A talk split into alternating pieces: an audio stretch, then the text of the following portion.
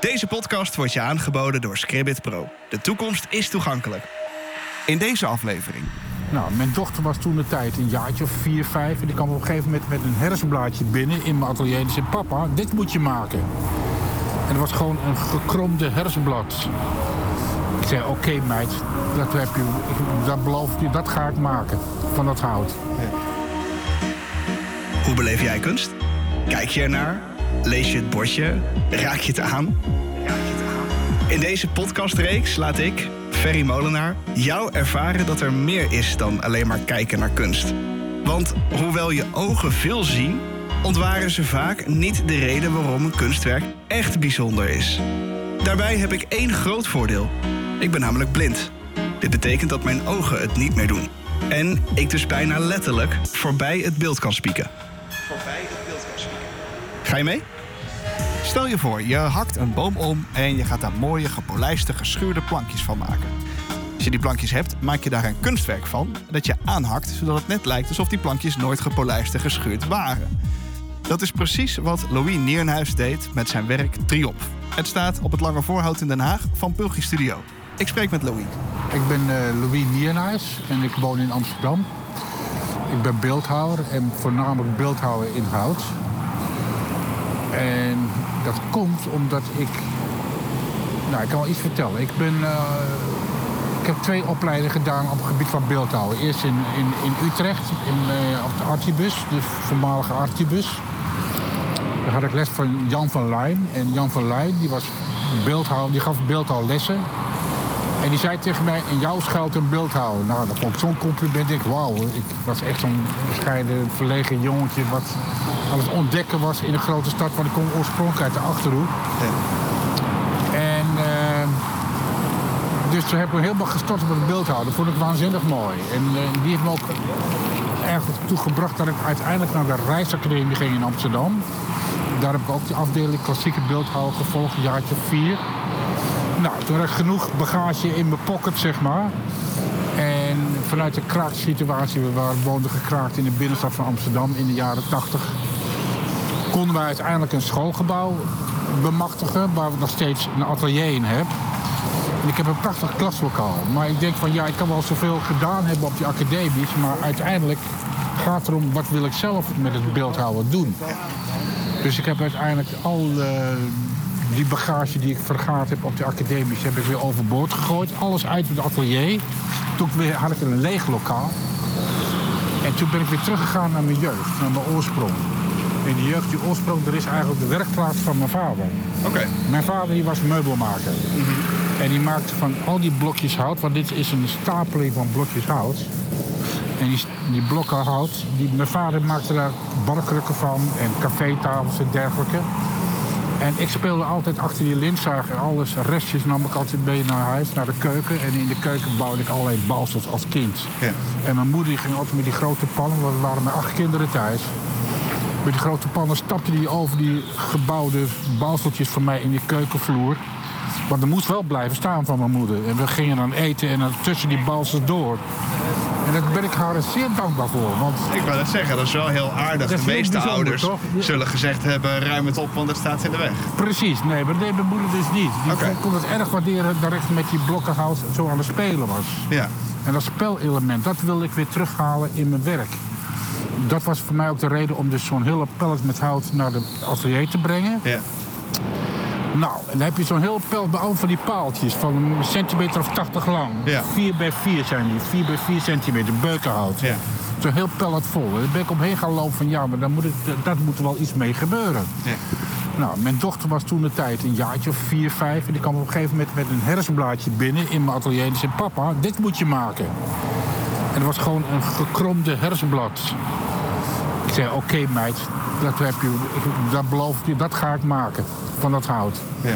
En toen ben ik dat gaan reconstrueren als zijnde... de blad is een soort, soort, eh, soort scheepsromp Ja. constructie. Op die manier ben ik die hele werving van die kromming van die blad ben ik gaan volgen. En op die manier ben ik met blokken hout gaan stapelen en gaan lijmen. Ja. Het was een hele worsteling. Dat het is toch eh, eigenlijk... Geloof ik onmiddellijk. Ja, nou, het is toch een beetje op je eigen manier je wiel uitvinden. Ja, zeker. Hè, met, eh, maar dat is toch het geschenk van mijn vader geweest. Want uiteindelijk is dat mijn beeldtaal geworden. Ja. Dus ik heb dus steeds een stapeling gemaakt van blokken hout.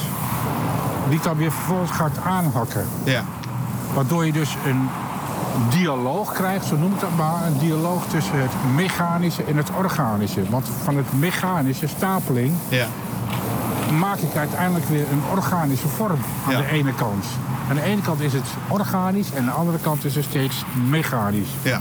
Dat blijft dus ook in stand.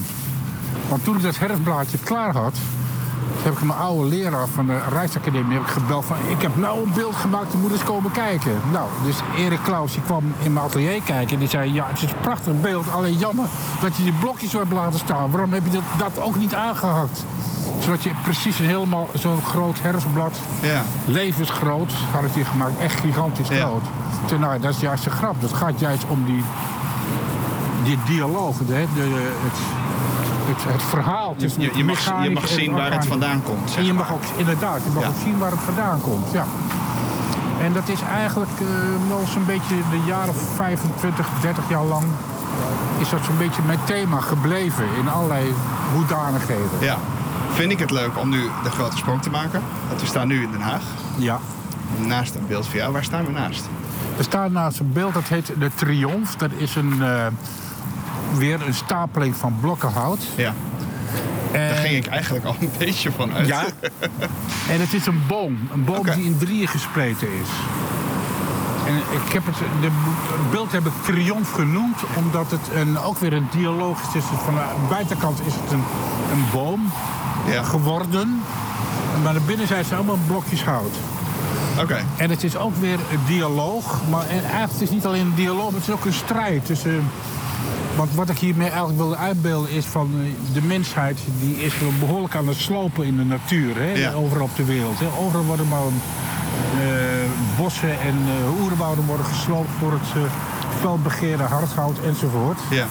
En wat ik hiermee laat zien is eigenlijk van wie is nou eigenlijk de winnaar in dit verhaal? Is dat nou de mens of is dat de natuur? Ja. Het weer dat, die dialoog hè, tussen het mechanische blokjes hout van de binnenkant. Ja. Want dat is uiteindelijk het resultaat van al het slopen van het hout. Hè? Ja. Want daar gaan we allemaal vierkante blokken van maken en daar gaan we vervolgens weer iets mee doen. Ja. En aan de andere kant heb ik dus die blokken hout laten... Ja, dat heb ik zo aangehakt alsof, alsof het weer een boom lijkt. Ja. Zit eigenlijk weer teruggebracht tot Waar het vandaan zijn komt. oorspronkelijke... Ja. ja. Precies. Hoe, eh, hoe zie je dat zelf? Want je, je stelt de vraag. Heb je ook een idee over wat het antwoord is? Of Nou, ben- het antwoord hoop ik dat het is dat het de natuur is natuurlijk. natuurlijk. Maar eh, dat zal de mensheid toch wel een beetje wat meer achter zijn oren moeten krabben. Ja. Hoe wij met die natuur omgaan. Ja. Want we kunnen niet meer blijven eh, gaan eh, slopen en maar blijven eh, consumeren. Het, is, het motto zou meer moeten zijn in deze wereld, in deze tijd, consuminderen en niet consumeren. Ja. Mooi. Ja. En nou ja, dat is toch wel een... Ik hoop dus in die zin dat de natuur zal overwinnen. Ja. En dat de mensheid zich nederig gaat buigen naar de natuur, om het zo maar eens uit te drukken. Ja, precies. nou had je het over een boom die drieën Ja. gesplitst, gespleten is. Hoe visualiseer ik dat? Staat die boom? Ligt die boom? Nee, die boom die staat. Die staat. Die staat. En het is uit drie verschillende hoogtes. Ja. Er zijn drie blokken die zeg maar in een cirkel bij elkaar staan. Oké. En ze wijken allemaal iets van elkaar. En ook de stapeling zijn alle drie elementen zijn iets verschillend. De een is wat steiler en dan de ander. Ja. Dat heb ik ook gedaan om een beetje meer beweging van binnenuit te creëren. Ja. Ja. Ik zeg ook altijd van je moet eerst naar het hout luisteren voordat het hout naar jou luistert. Ja. Maar had je dan van tevoren al bedacht dat hij in drieën ging? Of hoe? Ja, dat wel. Ik heb wel een, een, een grondconcept, een idee van hoe ik dat ga stapelen. Ja. En dan, maar hoe het dan verder eruit gaat zien, dat is in het proces komt het pas een beetje aan de orde. En dan improviseer ik ook. Ik zeg, goh, misschien moet ik dit meer zo doen of meer zo doen. Ja. Het is niet allemaal in kannen en krijken voordat ik begin. Nee. Nee, ik laat ook veel dingen aan het proces over hoe het gaandeweg ontstaat. Ja. En ben je dan ook tevreden als het klaar is? Of heb je wel eens... Nee, ik ben Dat je- nooit dat- tevreden, moet ik eerlijk zeggen. Ik, ik, kan me voorstellen dat je soms ook wel een, ik noem het maar even, een soort conflict hebt met het hout. Omdat het hout misschien iets doet waarvan jij denkt, maar dat vind ik niet mooi. Ja, ik heb altijd ruzie met het hout ook. Het is een soort masochisme, dat is wel waar. Maar, en ik heb ook altijd, of meestal heb ik ook, als het beeld klaar is, denk ik van nou, het moet allemaal heel anders. Ja. Dat, heb ik ook, dat is ook zo verschrikkelijk. eh, Slo- sloop je het dan wel eens? sloop ik het wel? Ja, nee, ik denk, dit kan ik echt heb niet. Met beeld, slopen doe ik het niet. Oké. Ik heb wel eens dat ik beelden uiteindelijk volstrekt anders in elkaar zet dan ik toen ik ermee begon, dan toen het uiteindelijk eruit kwam zien. Dat wel. Ja, Maar echt slopen, nee. ik heb wel een beeld. Is die voelbaar of is dat heel lastig met het hout? Of is dat... eh, Jawel, ja? zeker. Kan ik hem maar aan? Ja. Hij staat voor mij? Of, eh? De buitenkant is weer helemaal die boomschors idee. Ja. En de binnenkant is dan weer maar die Dan voel je blokjes. net ook al die blokjes, ja. Ja. Ja. Ja, grappig. Ook helemaal glad gemaakt en zo. Het lijkt me intens pittig werk. Ja, dat hoor ik ook vaak. Mensen zeggen van, goh, wat een werk, hè? Ja, maar echt. Van, ja, zeg ik dan van, ja, maar als jij de hele dag achter een computer loopt te rommelen... Ja. dat is ook veel werk. Maar dat zie je dan niet. Dus Nee. ik vind het allemaal zo relatief. Ja, dat is ook zo. Zal ik Ja. even... Oké. Nou ja, ik hou ervan om op die manier te werken. Ik hou Ja. er ook van om... ehm, ja, ik ben ook opgegroeid met een soort productiewerkplaats van mijn vader. En ik vond Ja. het ook als kind al leuk om hout te schaven door een schaafbank. En hetzelfde met schuren. Terwijl ik schuren nu verafschuw hoor. Want ik... Schuren dat is uit een boze bij een beeld. Oké. Want Maar die je- achterkant voelt wel... Kijk hoor. Dit Ja, voelt dit zeg is maar wel die blokjes, is gewoon, die komen zo letterlijk uit de schaafbank. Hè? Ja. Die zijn geschaafd, Ja. strak. Ze zeiden al voordat jij ermee aan de slag gaat. Ja, die zijn al zo geprepareerd, zeg maar. Maar de buitenkant, zoals je die weer aangehakt hebt, Ja. met kettingzagen en zo, er komt geen schuurpapiertje meer aan de pas hoor. Uit een boze, dat gaat niet gebeuren. Het voelt nou een beetje, nu ik hem aangeraakt heb, het voelt ook echt aan als boom. Als boom, ja? Ja, qua structuur. Ja, Kijk aan, ja. dat je het ook een soort van teruggeeft of zo. ja. Dat je, zeg maar, het is, het is gehakt hout. Het is, je, je, ge- je bent eigenlijk bezig om aan te geven van de strijd tussen mens en natuur, zeg maar. Ja, dus je neemt gehakt hout, wat menselijk is. Je geeft het terug aan de natuur door er weer een soortement van boom van te maken. Of zo. ja, Het is, ja is- ik maak weer een boom het is een van beetje blokken hout. circulatie Ja. van, zo voelt ja. dat een beetje. Ja, het is Ja. weer eh, eigenlijk weer in die zin tussen haakjes terug naar de natuur bijna. Hè? Mooi. Idee. Ja.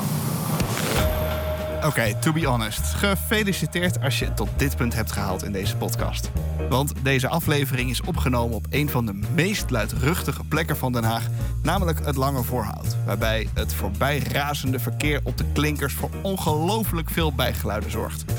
En juist daarom is ondertiteling en een transcript zo ontzettend belangrijk. Mocht je het niet helemaal hebben kunnen volgen, het transcript is beschikbaar op de website van deze podcast, beeldspeaker.nl.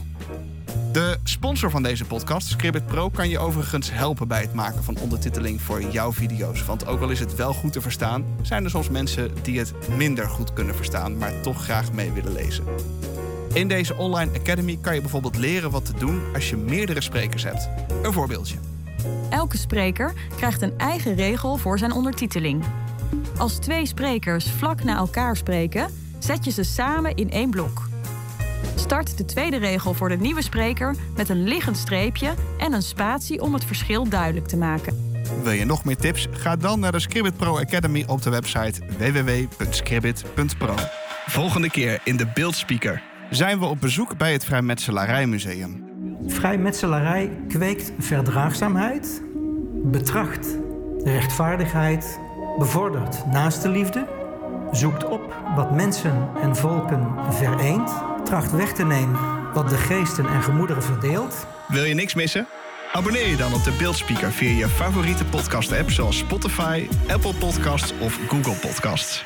Of kijk voor meer informatie op debeeldspeaker.nl. De Beeldspeaker wordt je aangeboden door Scribbit Pro. En deze aflevering werd mede mogelijk gemaakt door het Bartimeusfonds, Oren en Ogen Tekort en Pulgi Studio. Montage en productie, Ferry Molenaar, de podcast creator. Kijk voor meer informatie in de beschrijving van deze aflevering.